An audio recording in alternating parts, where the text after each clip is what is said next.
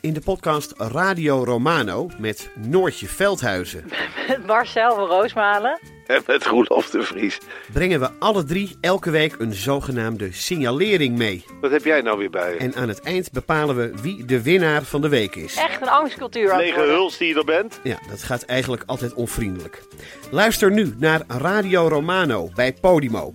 Via podimo.nl slash Radio Romano luister je 30 dagen gratis. De strijd om de miljoenen van Siewert van Liende is losgebarsten. Zowel de staat als zijn stichting eisen de mondkapjeswinst terug.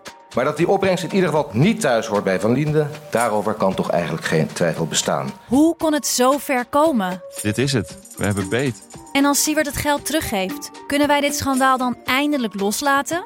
Je hoort het in de Mondkapjesmiljonairs, exclusief bij Podimo. Ga naar podimo.nl slash mondkapjes.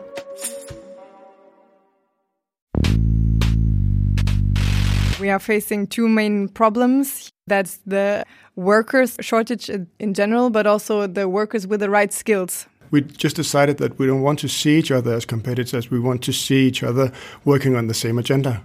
And if we want to succeed with the green transition and also fighting the climate change that we're facing, we have to do it together. We want to succeed on the same agenda, and this is the only only way to achieve something because the challenges are real and we cannot succeed on our own. Dit is Betrouwbare Bronnen met Jaap Jansen.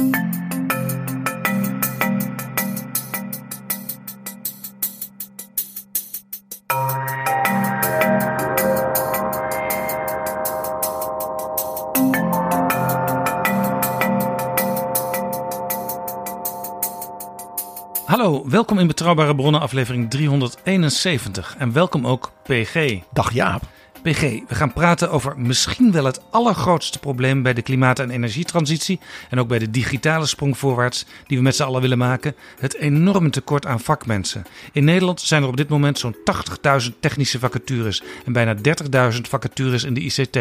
Banen op zoek naar mensen. En je hoorde in de intro dat we daarbij als Nederland niet het enige land zijn dat daarmee worstelt.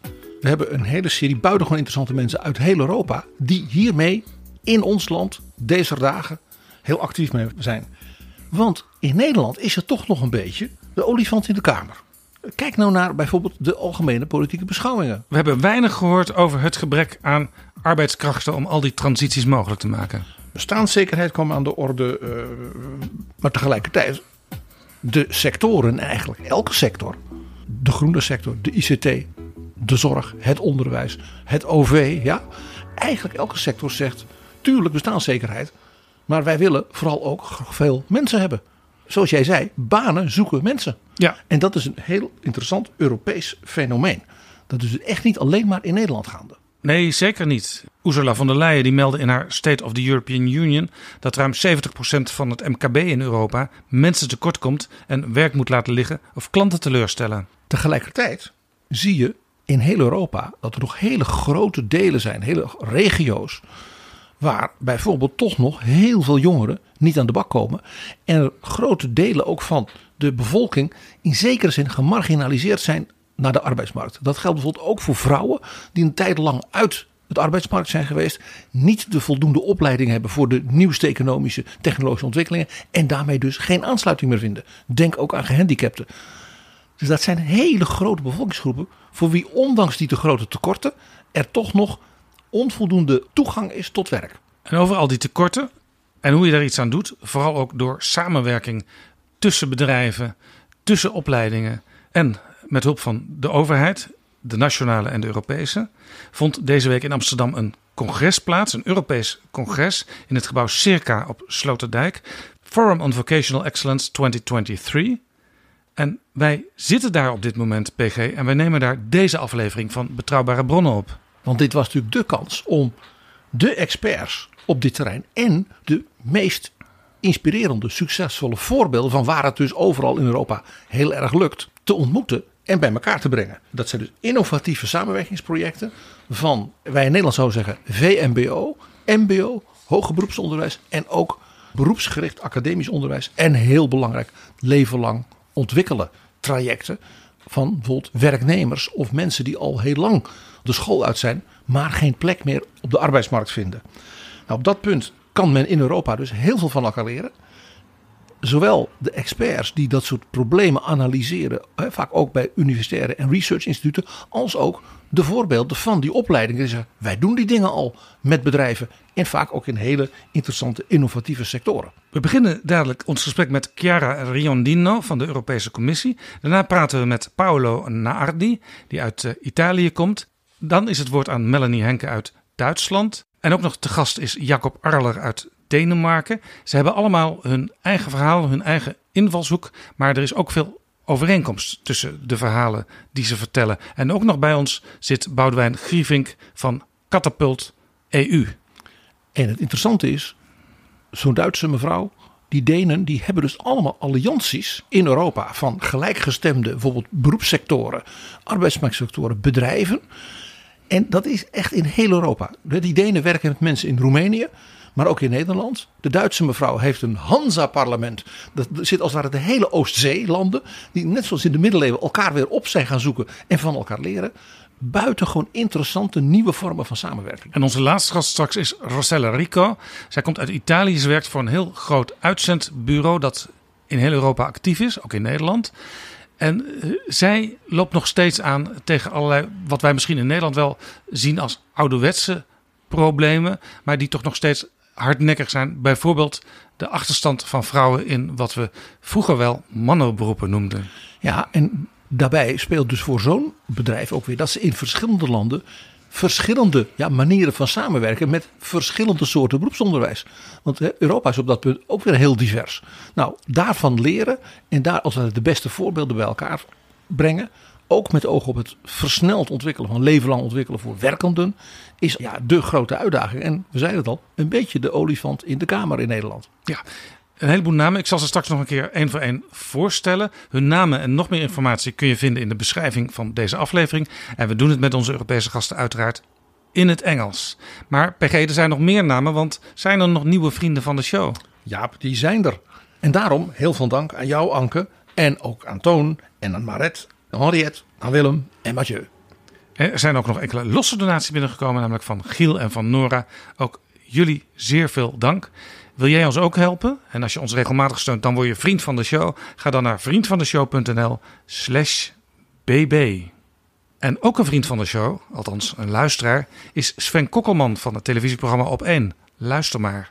Met fossiele subsidies moet je stoppen. Ja, gaan we, maar komen wat, we, komen we nee, maar wat kun je dan doen met dat geld dat je daarvan ophaalt? Hè? En dan stellen wij dus voor, investeer dat dan terug. Ja. Een miljard per jaar in ja. schone bedrijven. En geef elke Nederlander een klimaatbonus, zodat je ook die duurzamere keuzes kan maken. Ja, maar Thijs had het over het jaartal. Uh, en ik hoorde u laatst in de podcast Betrouwbare Bronnen zeggen... hou nou toch eens op met die jaartallen. Uh, en dat ging dan over het stikstofjaartal 2030. Dit is Betrouwbare Bronnen. Onze eerste gast is Chiara Riondino, hoofd beroepsonderwijs en training bij de Europese Commissie in Brussel.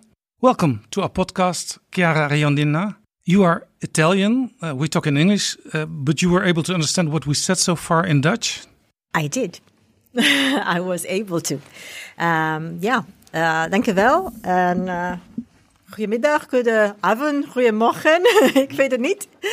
Um, so thank you very much for inviting me to this podcast because this is the European Year of Skills. So thank you for giving me the opportunity to come here and talk about vocational education and training in this fantastic event uh, in Amsterdam, uh, the Forum of the Centers of Vocational Excellence. Why did the European Commission think it was necessary to have a European Year of Skills? Skills are really more and more important in everyday's life and in the labor market. So we have this very weird year because it's not a calendar year. We started in May on the 9th of May, which is Europe's Day, and we will go on until the 8th of May next year. So we still have a lot of months to go. And what we wanted to do during this year is to really try to match people's aspirations with the needs of the labor market because it's only by helping more people into the labor market and helping more people do jobs that they really like and they are passionate about that we can build together a fairer society, a competitive society, an inclusive society. And of course, the companies and the organizations and institutions in Europe, they need the people because we have everywhere great shortages in those skills and the people with those skills. Absolutely. And we have a paradox because we have the lowest unemployment rate in a long time. And we're very happy about it because with COVID, we really faced a lot of challenges in this area. But we also see that companies have uh, shortages and, and cannot fill their, their gaps. And a lot of people are still not finding the right match. So we need to work together with companies, with schools, with institutions, with public authorities to find the good match that will make a win-win for everyone. Yeah, I listened to Ursula von der Leyen in the State of the European Union, and I, I heard her telling us that about 70% of the small and medium enterprises have a shortage of people.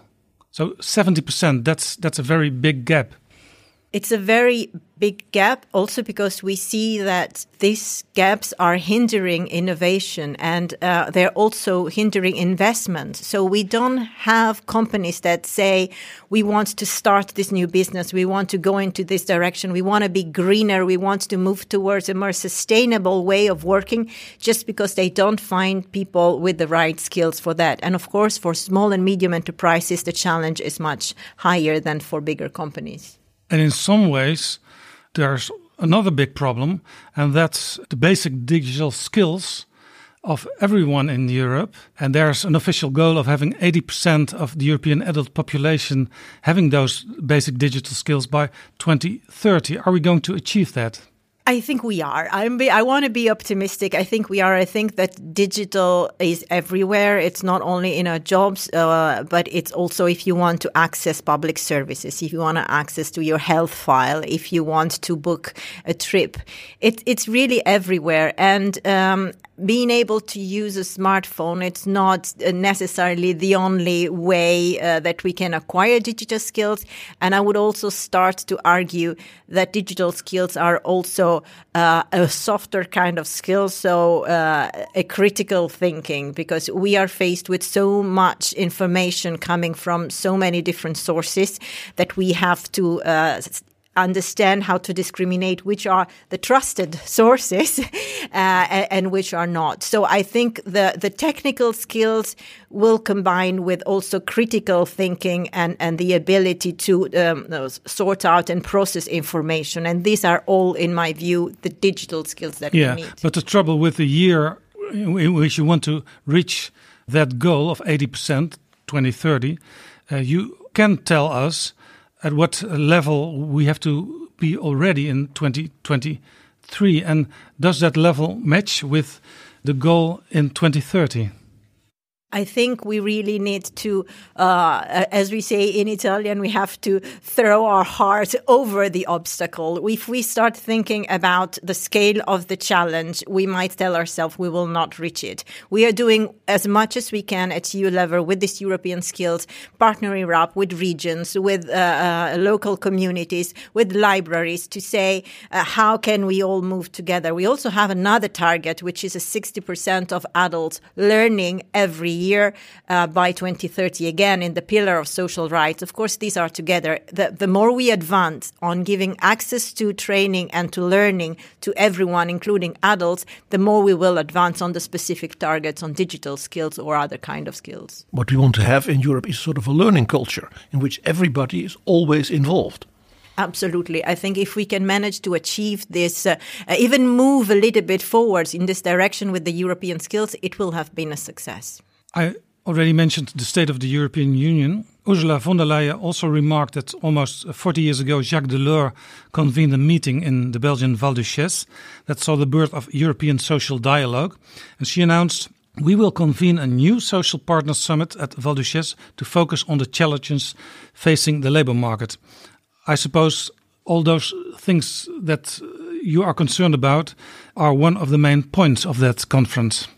Absolutely. Skills is going to be key, like it has been a leitmotif of this commission since its beginning. But of course, the, the summit will be broader. There, there will be talks about also working conditions, uh, uh, all the things that we see with technology, right to disconnect, uh, platform work. There are so many changes that are going so fast that it's, it's right that we now get together again at Val Duchesse once again to, to discuss what it means now for the European social economy economy and for the labor market and society. Everywhere in the European Union uh, now, there are so called centers of vocational excellence.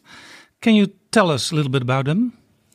The Centers of Vocational Excellence are uh, one of my favorite projects because it really shows uh, how uh, the richness of of uh, the, the, European diversity.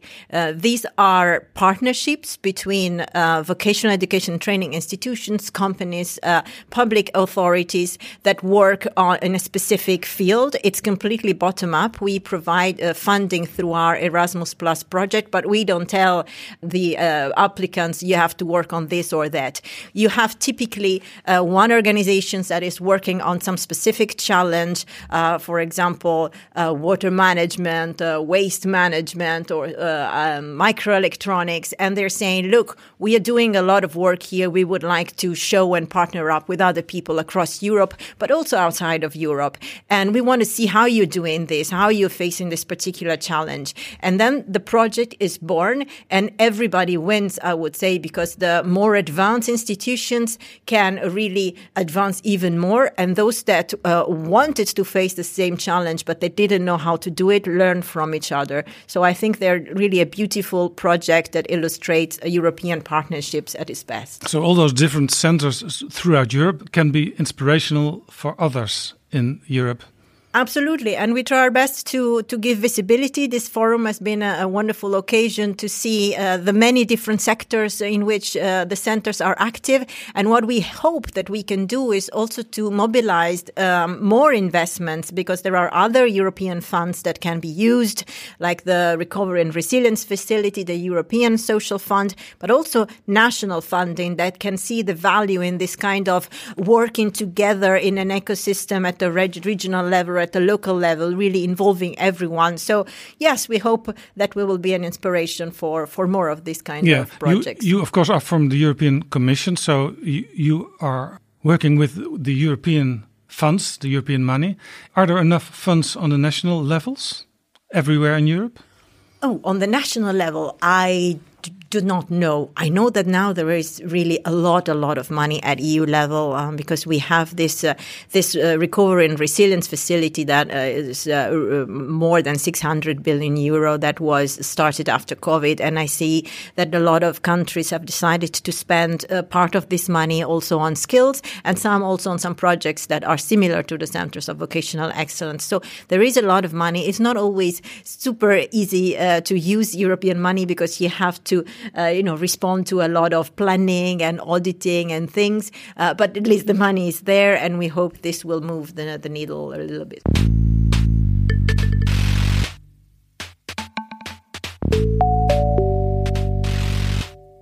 We talked about inspiring examples throughout Europe, and with us we have three of those pioneers. And the first one we welcome is Paolo Nardi also from Italy. He's director of EFVET, a European wide professional association which has been created by and for providers of technical and vocational education and training in all European countries. Welcome, Paolo Nardi, to our podcast. Thank you for inviting me. And you are also working in Brussels? Uh, well, both in Brussels and uh, across Europe, visiting our members, projects, and uh, wonderful conferences like this forum.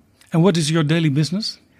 Oh, basically, I'm the director uh, of this organization. So basically, I work in three areas: uh, relationship with the members, trying to empowering them, directing my office, so ma- main uh, main uh, business, and third, at strategic level, what we would like to do is, let's say, in a bottom-up perspective, try to influence and vehiculate needs, challenges coming from our members to the policymakers. And especially, um, you are working uh, with the, the GIVE project. What is the GIVE project?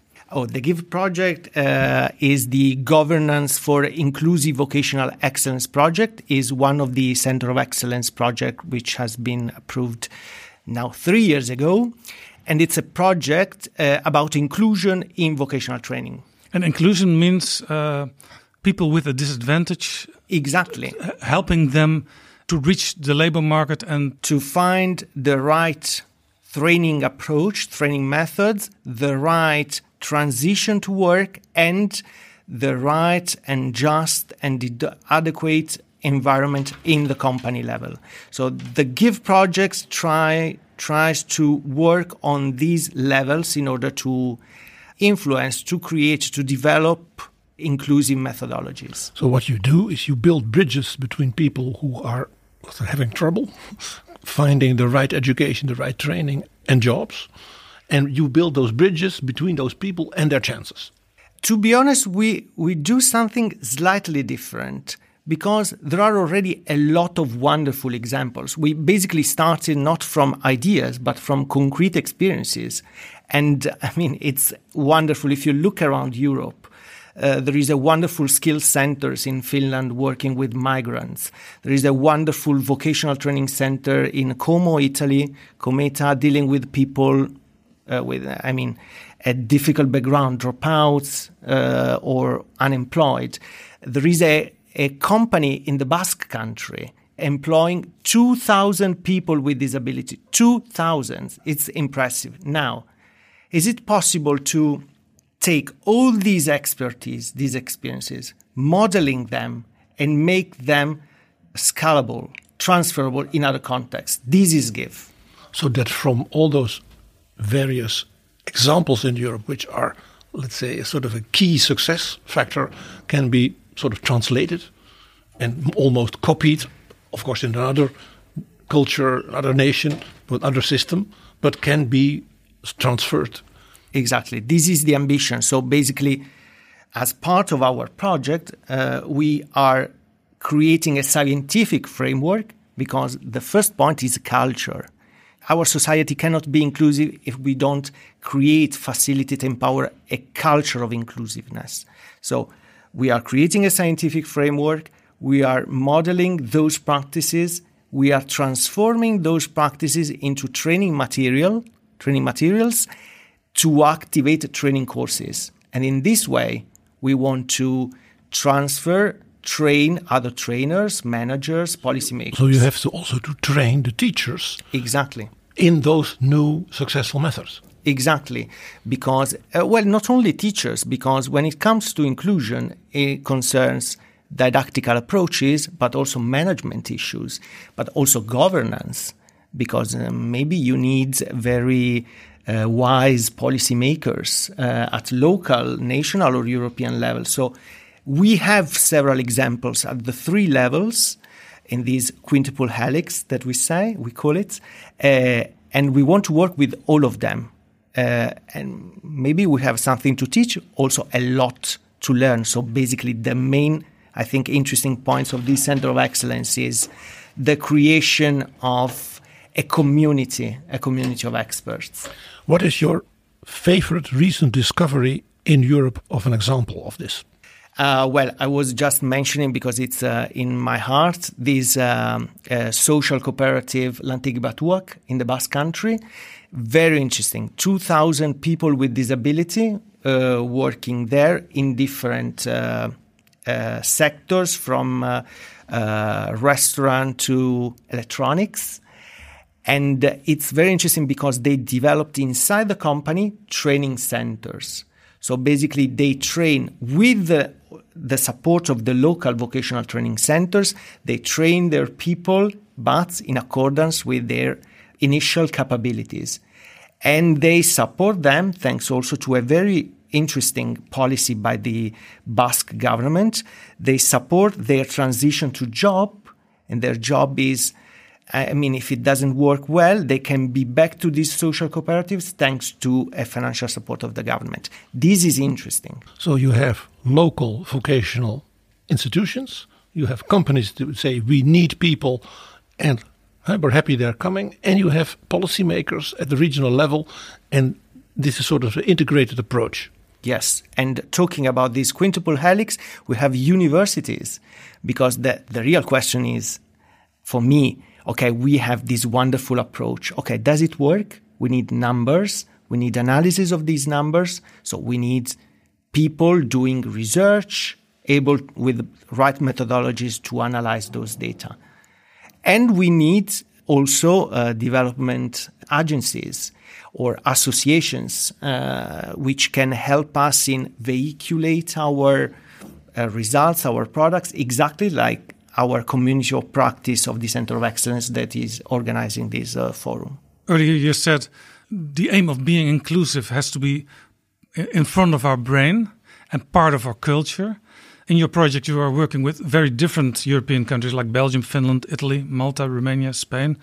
I learned also Belarus and Tunisia are involved.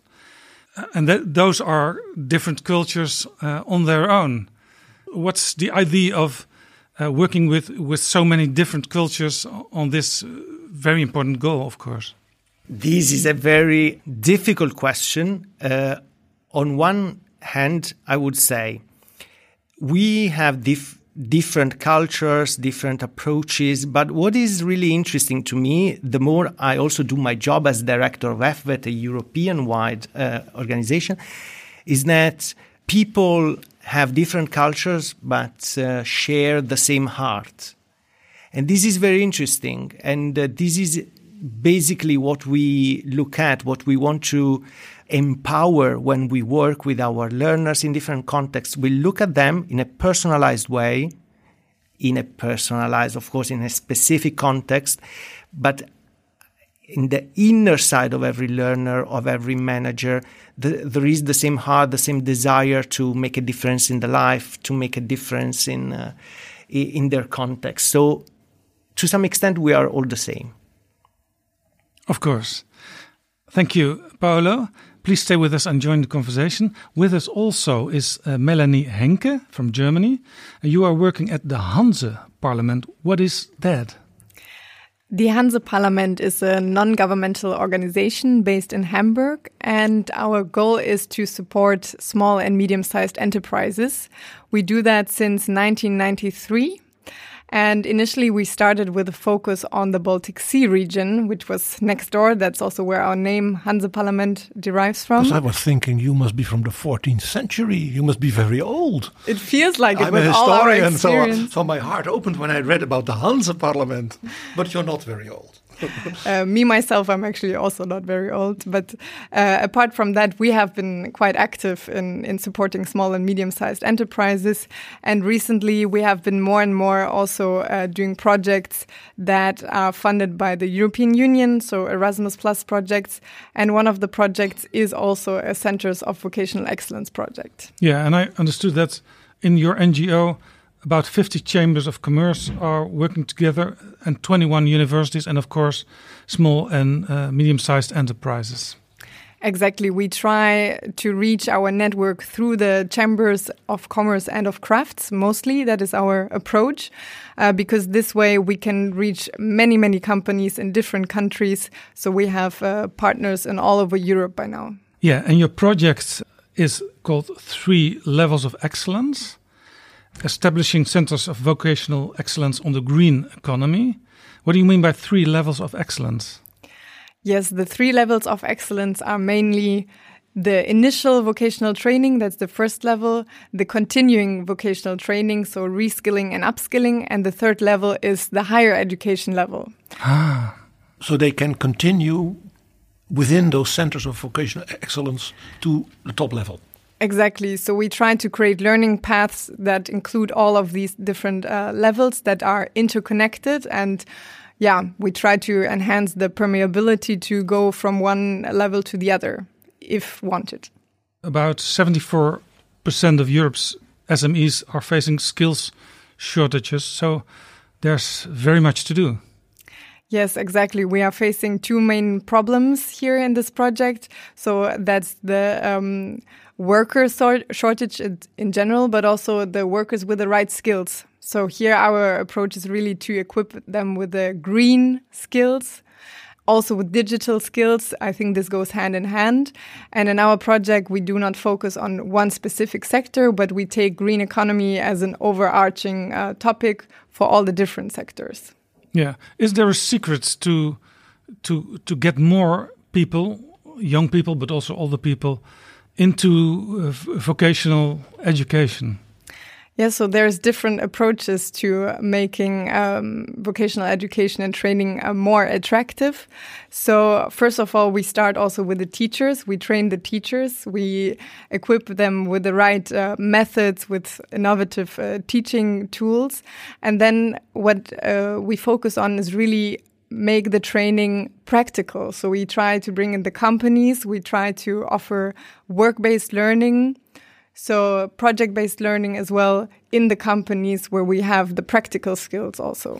And this of course means that the companies must change internally also. They must become sort of an educational environment. Yes, and this is new for many companies, and especially if we talk about small, really small companies, this is not an evident thing.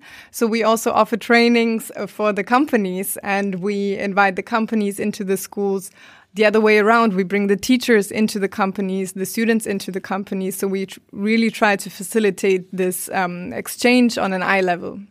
Now, I read that you work in this project with uh, companies and schools in the Baltic countries, in Poland, and and, and how how does that work in the because they are very interesting countries, but very different countries in their cultures and their background, also historical, of course. How, how does that work? How do you get these people to work together? Yes, so in the project we have uh, seven different countries, and in each one of them we are setting up a so-called Center of Vocational Excellence. So within the project, um, we have the general structure that in each country we have a vocational education and training center or a school. Then we have SME, a representative, a chamber of commerce, for example, and we have the university partners. So that is the basic setup to have all the three levels covered in each country. And then they work really locally, regionally, according to what is relevant in their, um, in their region. So they find more associate partners uh, to work with. What is your favorite recent discovery within, uh, let's say, Latvia or Lithuania? I was uh, really happy to visit Lithuania uh, recently and to see that they not only innovated their their teaching, their curriculum. They found also company context, but they also really rearranged their whole school. So they renovated the school. They made it uh, equipped with all the green uh, possible energy um, sources. So they really changed the whole mindset of the school. The downside of the story maybe is that they had to let go of a lot of teachers because they simply didn't fit this new mindset. So they are trying to find really the right teachers to bring in this, uh, yeah, new mindset of this green and connected world. And what happens to all those teachers who, who are to leave the schools? Well, I'm sure they they will easily find another job because there's also teachers uh, um, lack of teachers. So. Yes. So there will be no unemployed teachers in Lithuania because of your work. No, I'm sure Thank you so far, Melanie Henke. Please stay with us. Talking about the green economy, with us is also Jacob Arler from Denmark. You are from OK Nygaard, the largest landscaping company in Denmark, and you are making cities greener and sustainable. Mm -hmm. Yes, we are. How many employees do you have? We're also part of idverde, um, and idverde Denmark has a thousand employees. Throughout Europe, we have 10,000 employees. So, thereby, we are the largest landscaping company in Europe. So that's a very, very big company. Yeah, but it also consists of a lot of small entities. Uh, in Denmark, for instance, we have no entities larger than 150 uh, employees. So, so you could consider us as, as a lot of small entities within the same brand. What does landscaping do? We are facing uh, climate changing. Uh, we are facing biodiversity crisis, and and we are changing the ways our cities look like.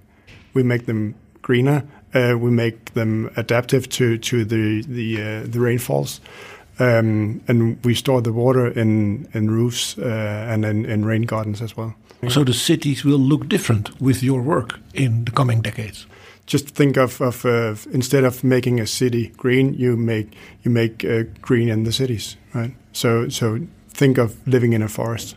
That's what it should look like in the future, if you ask me. So we've been doing, we've uh, used decades in, in, making pavements and concrete all over the place. So now we're tearing it up again and, and, making it green. And that is not just in order to to comply with the uh, the climate changes, but also because we want to to make it a good place to live. So it's also about having happy people living in the cities. You are involved uh, with a project called ePlug. Yeah. What is ePlug? Uh, ePlug is the European platform for urban greening. Consists of six different uh, countries, and, and in every country there's a school, there's a company, and we work together in finding good solutions for urban greening throughout Yeah. Europe. Of course, Denmark is involved, Belgium, the Czech Republic, Finland, Romania, Spain, the Netherlands also with uh, the company, the Koninklijke Ginkel Group in Veenendaal. Yeah. Uh, so that's a company like like your company. Yeah, exactly. Exactly the same. Um, and we do the same. But despite of that, we work together in finding new solutions. Um, because if we want to make greener cities in the future, we have to have to think differently than we did five, ten, or 15 years ago. And it also complies to the to the educational uh, industry. So we really have to change the educational system, and we don't think that we can do that on our own. We have to do that as a system. Uh, we could change the green agenda sector by sector, but we believe that we can be stronger if we if we do it as a system. Because the people you had, let's say, 20 years ago Mm. in the landscaping Yeah. Were completely differently trained, I guess, Yeah. than the younger people that you are now working with. Yeah, because the solutions we, we have to to uh, do now, come up with now, are different than they were 20 years ago. 20 years ago, you, you just make a pedestrian area. Now you have to make a vadi, which is a pit for uh, rainwater, basically. So the people you had already working in the companies Mm. also have to be completely retrained or, Yeah. or have to re- relearn their trade. Yeah, and and Denmark alone, we need around 150 to 200 new employees every year. So it just emphasizes that that we have a thousand employees all over, but we are changing them, and we're also growing as a company. So we need a, just around 150 200 new employees, and that's just for Denmark and our part of Denmark. And as if I'm not mistaken, we have 15 18 percent of the market right now. It's, it's not always easy for people, uh, for persons, uh, to change their mind and to uh, learn and, and want to learn new things, Mm. a new way of, of working and living. Uh, we already heard from uh, Melanie that uh, uh, some teachers are not ready to change the way they need to change. Yeah. Do you also experience those problems? Maybe I do, but but we come around it by by making new educations together. The vet schools, uh, the the educational system, working together with the companies because we want to meet the need from our customers, and in order to do that, we have to cooperate with the schools in making new educations. So some of our workers are really really skilled, and they have have a lot of experience. So why shouldn't you put that into the school? Ah, so you use also experienced, uh, skilled people Yeah, we as new teachers. Exactly. We need the clever hands, not just the clever heads, uh, because when a gardener turns 40, he or she will usually have 20, 25 years of experience. So why shouldn't you use that? If you could give our listeners a tip for a city that you say, that city you should go and look at it. Yeah. What what they are doing is this sort of this green landscaping revolution. Uh, I think uh, Utrecht could be a good example for all the, the Dutch listeners, uh, but I think the green transition is Utrecht? going- yeah. Sorry for my pronunciation. um, but I think the green, green transition is going on all over Europe. So, so just look for the small bits and look for the big things as well. But you see the green transition within the cities all over Europe and all over, over the world, actually. Uh, Singapore would be a good place to go. I have to add something to the Ginkel Group because we really work well with them, even though they're one of our biggest uh, uh, competitors in Holland. But we just decided to share our knowledge with each other because, as I said before, we believe that we can change the system better together than, than just working one company competing or fighting another one. That's interesting. You can enhance competitiveness by sharing knowledge. Yeah, that's what we believe in. And we do that in the frame of the European Platform for Urban Greening. So this European platform is also a sort of a knowledge system for those companies, even if they are competitors. Yeah, we just decided that we don't want to see each other as competitors. We want to see each other working on the same agenda. And if we want to succeed with the green transition and and also of uh, fighting the climate change that we're facing, we have to do it together. We will not succeed just as a single company, and it doesn't matter how, how large it is. Uh, we have to work together on this one.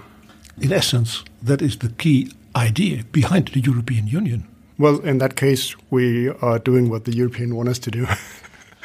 and that's great. Yeah. Talking about the European Union, Chiara Riondino, uh, you are working in the EU policy cockpit, the European Commission. What do you think about what you heard so far? It has been really inspiring. Uh, many things I knew already, some things uh, I just discovered today, and I think this is really what we work for. And and uh, uh I will take this back uh, with me, share it with my colleagues, uh, share the podcast, share the vibes from the forum. and the best thing is that this is just ongoing. It's not just one thing that is happening today. There will be another occasion to meet next year, but in between there is all of, of this work all of this passion. And you can see it doesn't matter if you are competitors, we want to succeed on the same agenda. And this is the only, only way to achieve something because it's uh, the challenges are real and we cannot succeed on our own. Yeah, yeah, this is really an amazing thing. Uh, working together in Europe and making uh, all of us stronger. Jakob?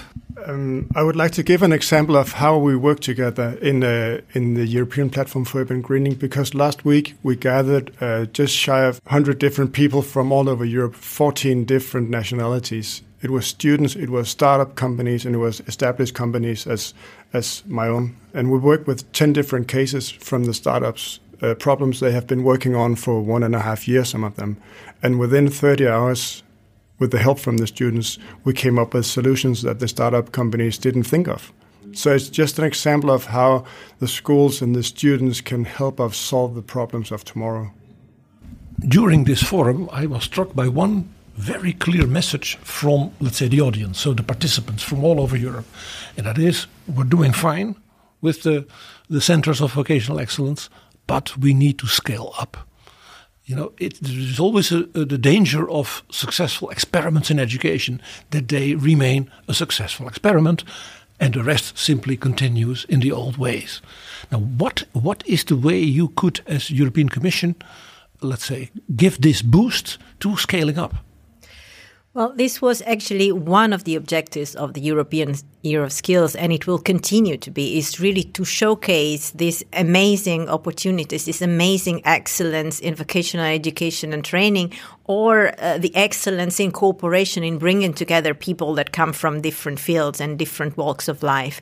And this is what we will continue to do because we really believe that it is a matter of shifting the mindset. It is a matter of, of agreeing together that maybe we cannot continue to teach in the same way that we were teaching even 20 years ago. Uh, that maybe we should not be talking to education and training on one side, to companies on the other side, to civil society on, on another. It's really that we need to work together. To, to work together. Uh, as I said, we have a lot of money now at EU level there is money going around in the private sector, in, in the public, national funding, uh, and we just need to show this works.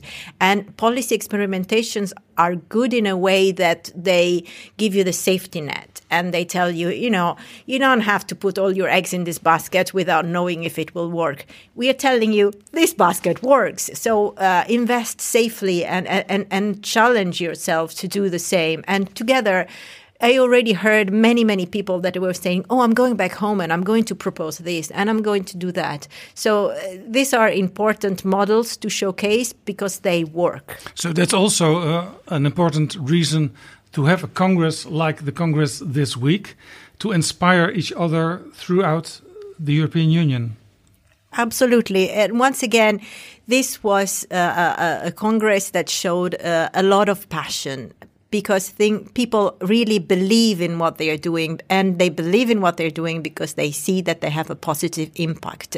It's not just people that are coming together to throw some ideas in the air. They are really people who are making things happen. They're making things happen in their own communities with students, with families, with companies. And it showed today. It showed and it, it showed last year when we were in San Sebastian. And I think it will continue to show through the hackathons and all the other initiatives that we don't see that happen every day all over Europe, uh, involving students and, and uh, all of us trying to think out of the box and, and really challenge ourselves to achieve something new. So, also students from all those countries meet each other through those projects. Absolutely, yeah. This is the the, the people that we are doing it for. So. Um, if we wouldn't involve the students, we yeah, would be crazy.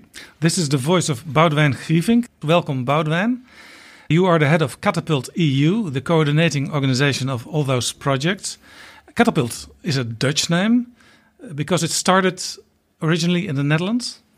Well, I'm going to correct you on uh, the coordinating of all these projects part uh, because that's what we, we do not do. But uh, it is correct that the, the Centers of Vocational Excellence, uh, when they started, the European Commission did look at the Basque region and the Netherlands uh, to our experience that we have with the public private partnerships in, in VET.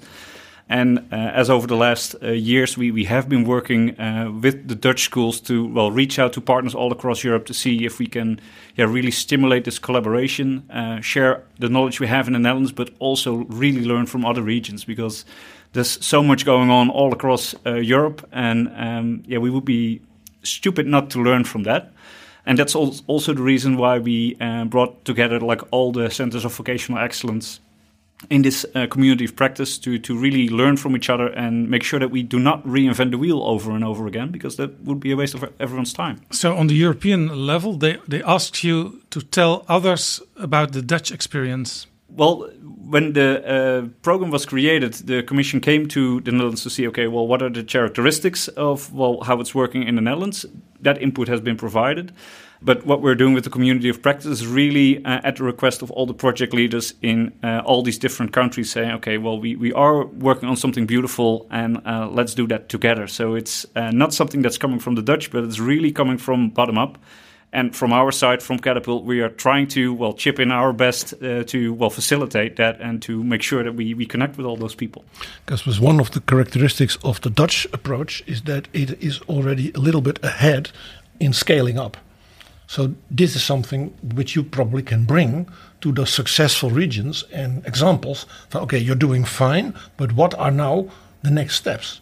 And next steps are probably not you do the same thing twice. Exactly, uh, you're absolutely right. Um, like in the Netherlands, we have the uh, Regionaal Groeifonds MBO. Uh, of Regionaal Investeringsfonds MBO, I have to say. And this has been evaluated uh, a couple of times by uh, external people as well. So it's not just us saying this, but what we see is that these projects quite often are able to well set up the collaborations, involve many people, and are able to go beyond the project phase. So really go from a project to a, movement, so to say. And I think that's very important because yeah, that proves that the, the project and the movement is, is viable. But if you want to take the next step and well uh, expand to other regions or really involve more students uh, and share that, that's something that needs like an, uh, an, an additional push. And in the Netherlands, we have the National Growth Fund initiative, for instance, that's trying to do that and I'm very curious to see how this will develop in uh, in Europe uh, because we, we have the amazing Center of Vocational Excellence arrangement in uh, the Erasmus program. We see the projects tapping into other national funding as well, trying to create synergies. Um, and yeah, it would be great to see if we can give this movement uh, another push to well make sure that as much teachers, companies, and students uh, are benefiting from this approach of well really working together. Yeah, at the Congress this week I saw a map of Europe with bullets of places where public-private partnerships are already, and I saw um, many many bullets. The most of them in, in a small cluster together in the Netherlands. You're absolutely right that the, the Dutch uh, vet schools and University of Applied Science are quite active in the centers of vocational excellence. And I think that's partially to do with uh, that we, we have been working together in these public private partnerships and want to scale up. Uh, we want to give the vocational education students uh, the international experiences, for instance, because it was discussed this morning how important it is for, for students to get these, these life skills. And yeah, on the other hand, we, we also see that many of uh, the schools in the Netherlands also realize, okay, well, yeah, we have a great system, but also uh, there's other places across Europe that we can learn from. So, um, yeah, the Basque region was mentioned a, couple of times already.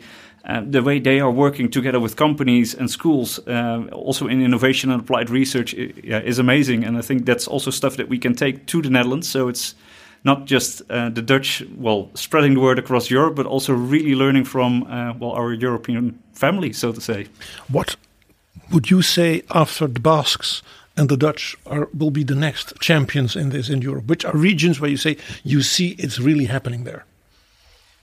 Oh, that's a very good uh, question. Um, I, I, think surprisingly, um, we see a lot of regions that people feel like, okay, well, maybe they are not that advanced, but if you look at the progress they are making, uh, they are going extremely quick. And if I look at our uh, partners, I'm also part of the European platform of urban greening, for instance, in Romania. Like within two years, they've completely um, well rearranged the educational system, created like urban greening, um, well trainings programs, so they are going so quickly, taking enormous steps, and uh, that has an enormous impact also on, on cities like uh, Bucharest in making sure that these cities are um, well adaptable to the climate change that is coming. Do you also work uh, from the with the whole group with uh, uh, cities and schools in in Ukraine? Um, we do have some uh, projects that do have contacts in uh, Ukraine, and we are definitely also looking at okay, well, how can we help as uh, centers of vocational excellence? Uh, for instance, in the, the platform of vocational excellence, water. There's a lot of expertise on well training people uh, also digitally in how to repair like water systems, and yeah, we, we do know that the Russians are attacking those uh, well facilities. So we're definitely looking at uh, well the opportunities to, to support the Ukrainians in um, yeah in these kind of um, ways and, and, providing that kind of knowledge that we have uh, in the platform. So for the next European Commission, so let's say Ursula II or maybe somebody else, what would be the message? Would it be scaling up, scaling up? Um, Yes, I, I, would say so. Um, I think on uh, the one hand, we see like a lot of applications coming in every year uh, that are well scoring very well. Uh, so there's definitely a big motivation from the grassroots level to to get this movement going. Um, and I think we really have to well cherish that that motivation and uh, tap into that. Um, and I think there's definitely opportunities to well make this initiative uh, bigger and um, yeah go beyond the, the, the current project period of Erasmus, but also into the next one, for instance. Our next guest is Rosella Rico. May I thank Chiara Riondino, Paolo Nardi, Melanie Henke, Jacob Arler and Boudewijn Grievink. Thank you very much.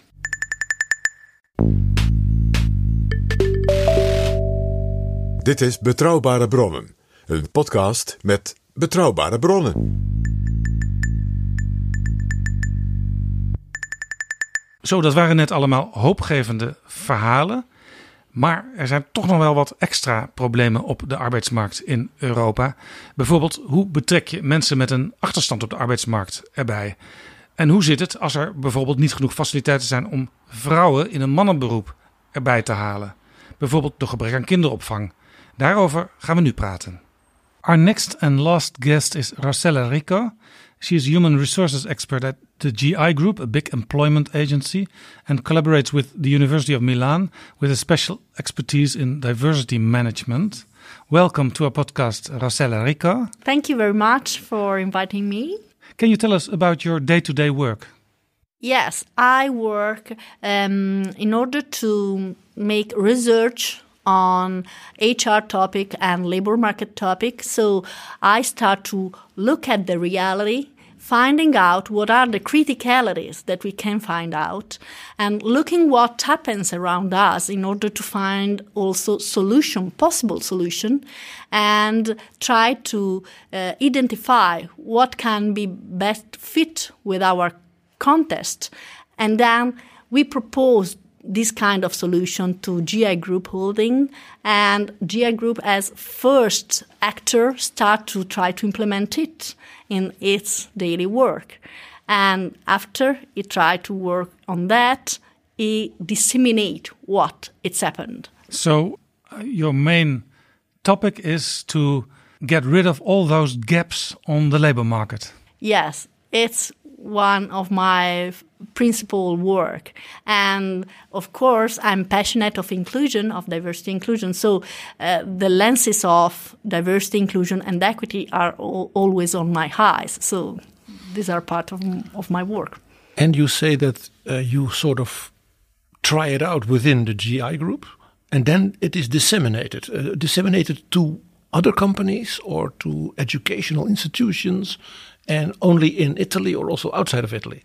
We work with both companies and educational uh, partners and both at the national and international. I'm here, I'm disseminating in an international context, uh, but at the same time, we, we, we speak with other companies in order to try to let them know that it's possible to change. Uh, one of our motto is change lives. We want to change lives through our work, and it's possible. But we need to change in advance our way to see the reality and to act in this reality. If you look at the European labor market, what are the hardest, most difficult obstacles for inclusion? The the most uh, relevant obstacle for inclusion is, as I said, the process of change. I mean, all of us are more um, habit to do the, the things as always we have done it. Yeah, we, we like it. Yes, we like it, and we try to have like um, simplification of the reality through our, our lenses that are biased. Every one of us has biases on gender, on the possibility that some kind of work can made by one kind of person and not by another. So um, these kind of biases are a, a barrier, a real barrier, even if they are cultural, they, they create a real barrier to the possibility to people to enter and to stay in the market and to develop in it. So, And and of course, as Europe has this incredibly diverse history and culture and languages, these obstacles will probably be very different in different labor markets. yes, In different countries, and even within countries, there will be uh, remarkable differences. Yes, it's true. It's it's a problem that is felt in different way in different countries. I mean, in America, they are talking about diversity inclusion since 1990. Here uh, in Italy, we started with some pioneer thought to speak about diversity inclusion, but only Nowadays, we are working really on diversity inclusion. In northern countries in Europe, it's more developed as an open possibility. So it's really ask for um, to organization, to educational partner, to start to think in a different way, to change the culture, to change the organization, to change the education, and this is really hard because we need to understand why we have to change and how we have to change. Why and how? Mm, yes. Yeah, yeah, yeah. And of course, this uh, has all to do with the fact that we need people for professions, for jobs. And it's hard now everywhere to find them. Yes, we work with the um, matching between the, the demand side and the offer side. So uh, the the first uh, resources today are skills, and the employability of people is made through our skills that are both technical and life skills, and at the same time we have a lot of work possibility that remain uncovered because we don't find people. But we see that there is a big percentage of people that stay at the margin of the market. They, they stay outside, they are inactive, or um, they are marginalized. So it, they can stay outside of the market because it's a personal choice, it could be. But in, in a big amount of the cases, it's not a choice. It's because you are not considerable able to stay in the work. And if you're growing up with the context that say to you that you cannot do it, you start to believe it. But that is not the reality. Are employees aware that they have to do something to reach those people they don't reach so far? I don't know if all the companies are aware of that. I mean, mm, when we talk about diversity inclusion, often we thought about gender, age, culture, uh, religion, sexual orientation, Disability. disability. Hmm. Uh, but disability is one of the vulnerable.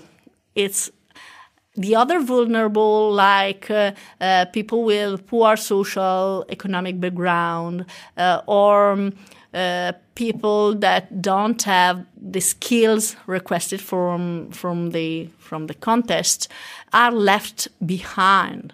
And even in some cases, uh, women, mother, can become a vulnerable um, population because if if you don't have the social services that are needed in order to uh, better compare and combine work with care, or if you don't are able to better share uh, care, educational, or domestic work within the family, there is a problem. But it's not something that cannot be do in a different way. It's something that we have always done in a way, but Yeah. we can change it. I Uh, mean, There there are always people uh, surrounding you saying, "We have always done it this way, and that's a good way." yes, of course, because when we start to talk with with companies and with people, of course, if I always worked in such a way, I think that this is the better way possible. But you can see and you can come in in a, in a reality like this one that we are here together today and you can open your your eyes and your mind looking that in other countries and in other realities things are doing in a in another way. So it's possible. What we have to see is to understand what we can do and what can we do in a better way.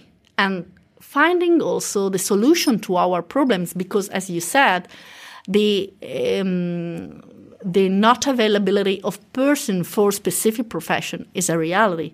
So if we widening our uh, capability to look around us even looking at the person the category of person that we are not habit to look at it's something that can make the, the differences.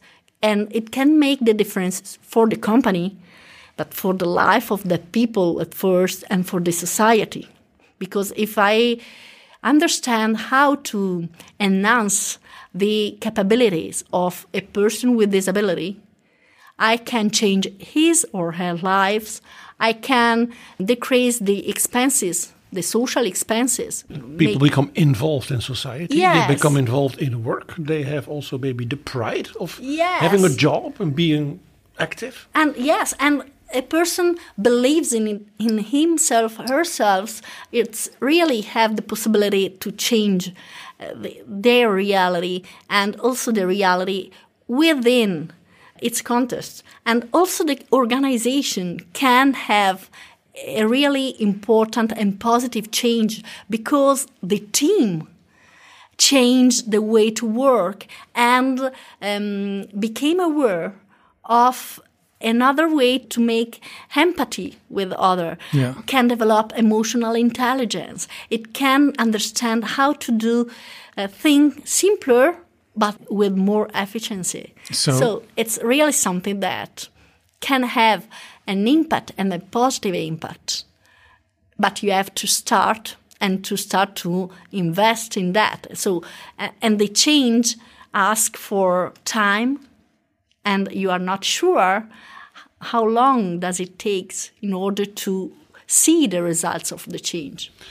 What is here the key role of the vocational education and training as an education system? How can it contribute to that, that changing mindset and maybe also changing internal workings of companies? I think that vocational excellence can help from one side to changing the way young people or other adult people because uh, learning to learn is a process that need to be developed all around our lifetime. It never stops. It never stops.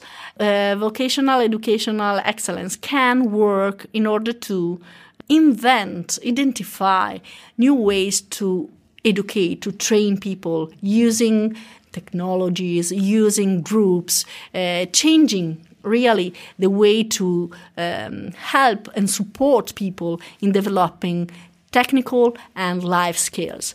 And In- that will change then also the inside of companies. Yes. Because of these lifelong learning or new younger people coming into the companies. Yes, and this will change the company too, but also the capability to start a dialogue and an active dialogue with a, a reality that is outside, usually outside of, the of the schools, no, but the contamination between the reality that are working day to day with the requests of the market, but also in a- an evolutionary uh, way to looking at the future, looking how to be sustainable and to change and to create value for the future, can suggest to the vocational educational excellence to uh, find new path of topics to be uh, trained in to, the to change, modernize the curricula, Yes. to use new ways of, New ways uh, teaching, etc. yes. Maybe you can tell us something about differences between regions and member states in Europe. Uh, where do they have to cope up in some ways? For example, you mentioned Northern Europe. Uh, in you mentioned in Northern Europe, many more women are employed nowadays, but that's not the re- reality in every part of Europe. In southern in mediterranean countries as i'm from italy and but also in spain in greece and in poland. There are uh, a, a way to think that women are not right for some kind of industries. I mean some kind of industries are a male culture industry. So there is a, a like um, a very big uh, gender division in industries and in professionalism. And these bring the pet of pe- person since they are very young because uh, not only in the secondary level of school we, we have to work Yeah. on gender biases but So, even, so a young girl even maybe doesn't think about some employment because she only sees men in there. Yes, and they are only a habit to say, "Oh, this is a work for men." But if you start from very young to make role modeling, so let them know what kind is that profession, because during time professions and industries are changed technology has really rev- uh, changed the, the, the world of work so something that maybe in the past were more difficult to do because of physi- Yeah. physicality And nowadays, sometimes now- it's robotized. So yes so it's not a matter anymore But still, the, the old images of the professions can be still very, very lively. They're still Yes. still there. they are there and they are like um, growing up with example or with thoughts. And sometimes even teacher have this kind of old-fashioned idea of industries and professions. So it's very important even the for, for companies to go into schools and showing that now is a different world compared to past. And so that uh, a, pros, a, profession is this new way. These are the instruments that you can use. These are the skills that are requested everyone can do it if has the the tools and the organization of work that allows you to to afford that kind of challenge Yeah. that your profession give to you. In many parts of Europe, jobs are looking for people instead of people are looking for jobs. But I understand in Southern Europe there's still much youth unemployment. Is there a special reason for it that it's still there? Yes, the mm, the problem of NEET so not in employment in education or training person uh, young people usually between 15 to 34 34 years old it's a real problem unemployment is a problem, inactivity is another problem. So the problem are different, the criticalities are different. What are the causes of that? The main causes, especially in the south of Europe, are connecting to uh, the distance between the educational world and the economic world, the, the, the organization companies world. Um, indeed, studies show that when there is more decentralization of uh, programs, so uh, the, the schools or the territories are able to build programs uh, in, in a more free way, where there is um, stratification, that means different duration of courses and stratification in terms of horizontal stratification. That means different topics or um, that can be studied as well as when the there is uh, the the built of dual system that here in Netherlands is well realized as well in in Germany but not in other part of Europe not only dual system, also um, the construction of vocational system professionalism built together with the territory, with companies. These kind of elements allow countries to obtain lesser level of NEETs and between students that had made a professional pathway of study, the percentage of need it's very sure. So, so what you NEET is a more regionalized approach, in which the companies and the vocational schools work together, and because the, the gap between, let's say, the educational world, as you call it, and the companies must be shortened. Yes, I mean where differentiation of path are possible. So, of course, a greater academic, variety. Yes, there is a, vari a, variety of possibility, but the vocational education has its dignity, its recognizement, both in teacher, both in in in the in the society, both in family because still nowadays in some countries at least there is like a, a hierarchical consideration of educational path. So there are some that are considered better than others. But this idea is not so connected to reality. I mean, students that attend vocational education finish their pathway and they find quite immediately a job. So while in other case, people that has attended a more academic path uh, need years and years in order to find out uh, their uh, ingress, their entrance in the labor market. So it's really something that we have to think about and to let people understand so it's it's a cultural element, it's an organizational element. But it has very strong structural causes, these inactivities. Yes. Much more than, yes. than that education no, is, yes. is not there. Or. Yes, of course, it's not only this one. We have another big problem uh, in the certain countries that is undeclared work.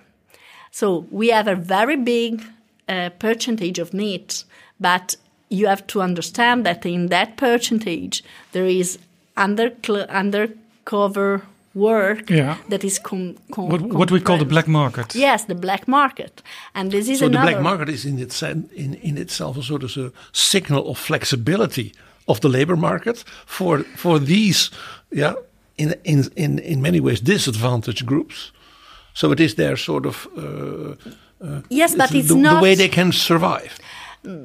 Not really for me, because in that case you are no any kind of support or sustain.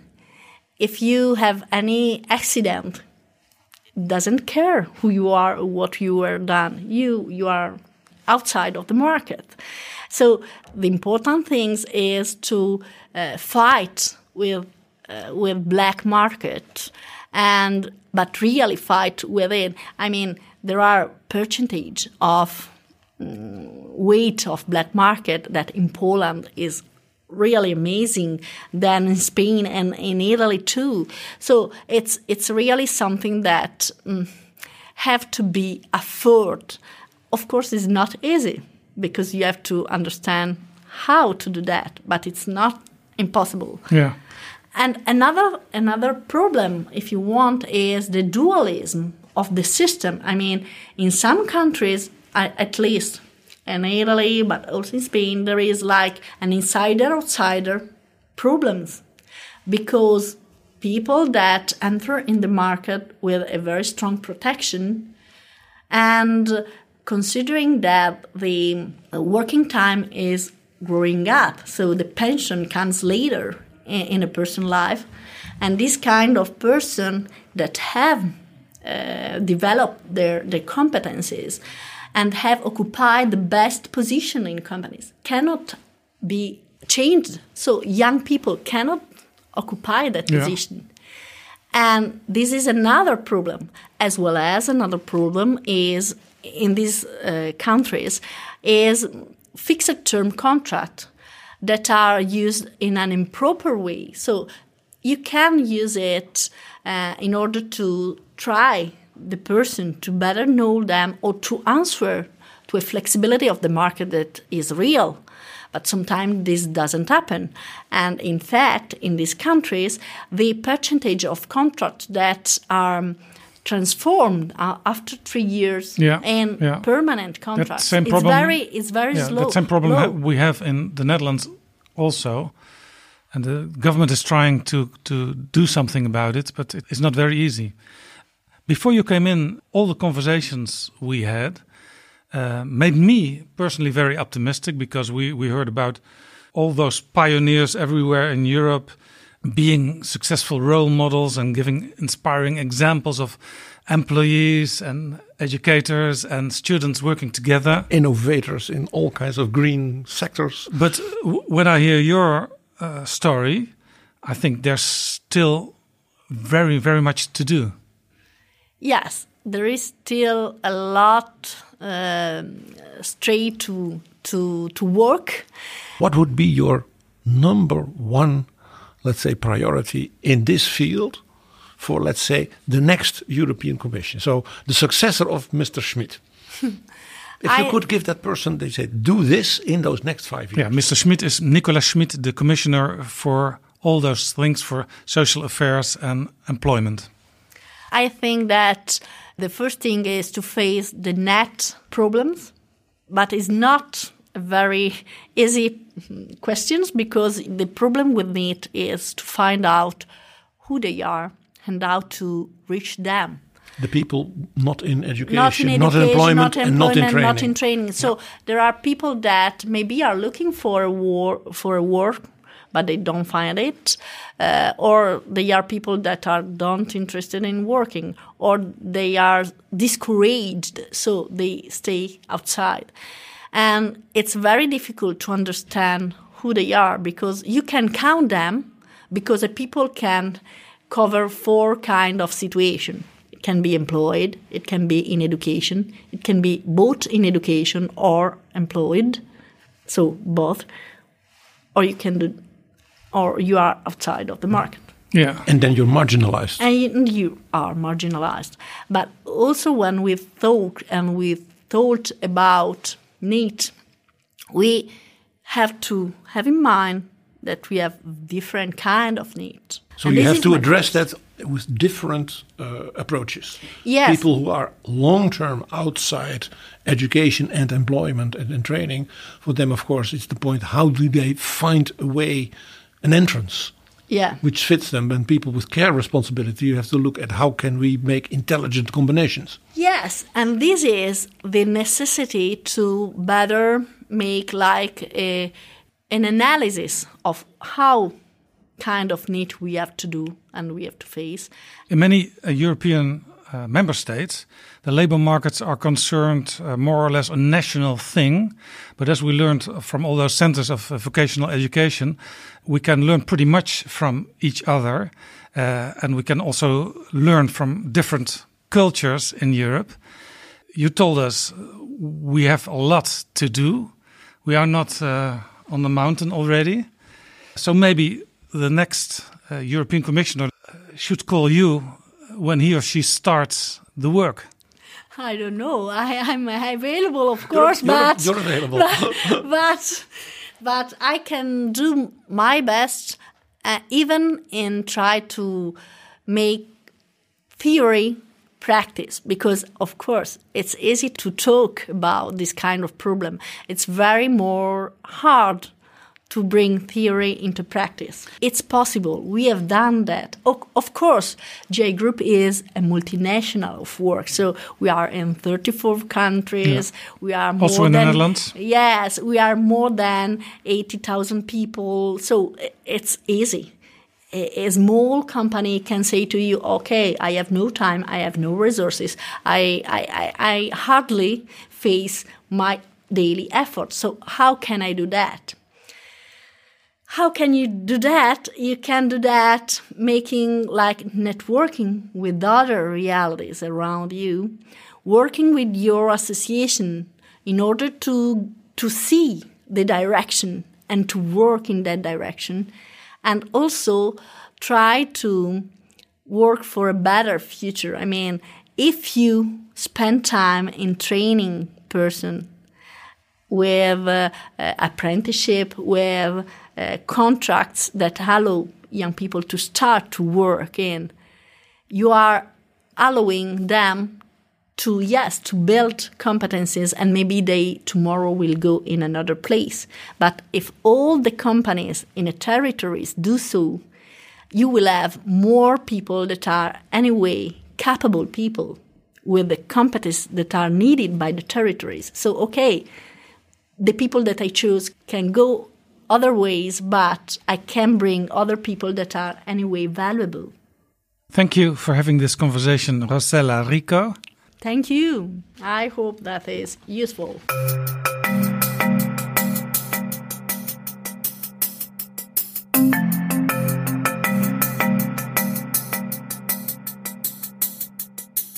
Zo, dit was Betrouwbare Bronnen, aflevering 371.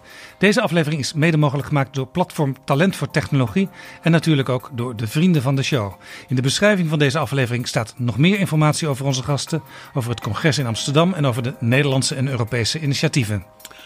En één ding, Jaap. We horen het ongeveer iedereen zeggen. Hè? We hebben banen die mensen zoeken. En je zou zeggen, daar moeten we het ook maar eens over gaan hebben. Op weg naar 22 november in Nederland. Want dit is echt niet een vraagstuk dat alleen buiten Nederland zich afspeelt. We zien het heel sterk, juist ook in ons eigen land. Toch nog een beetje zoals je in het begin al zei, de olifant in de kamer. Het speelt overal een enorme rol, maar we hebben het er te weinig over. En dan nog iets heel anders voor uh, de vrienden van de show en alle luisteraars eigenlijk. Volgende week is in Hilversum de Dutch Media Week. En op dinsdag 3 oktober dan zijn wij er ook bij met een opname van betrouwbare bronnen in het gebouw van Beeld en Geluid in Hilversum. En dat vindt plaats van 11 tot 1 uur, dus op dinsdag 3 oktober.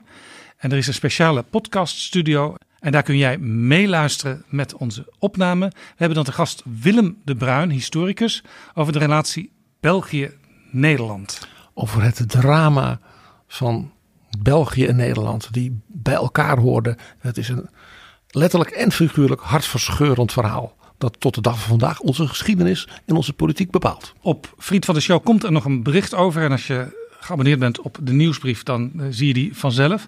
Maar alvast voor je agenda, dus aanstaande dinsdag 3 oktober van 11 tot 1 in beeld en geluid in Hilversum. En je bent van harte welkom. Wij hopen u daar te kunnen begroeten. In elk geval, tot volgende keer. Betrouwbare bronnen wordt gemaakt door Jaap Jansen in samenwerking met dag en nacht.nl.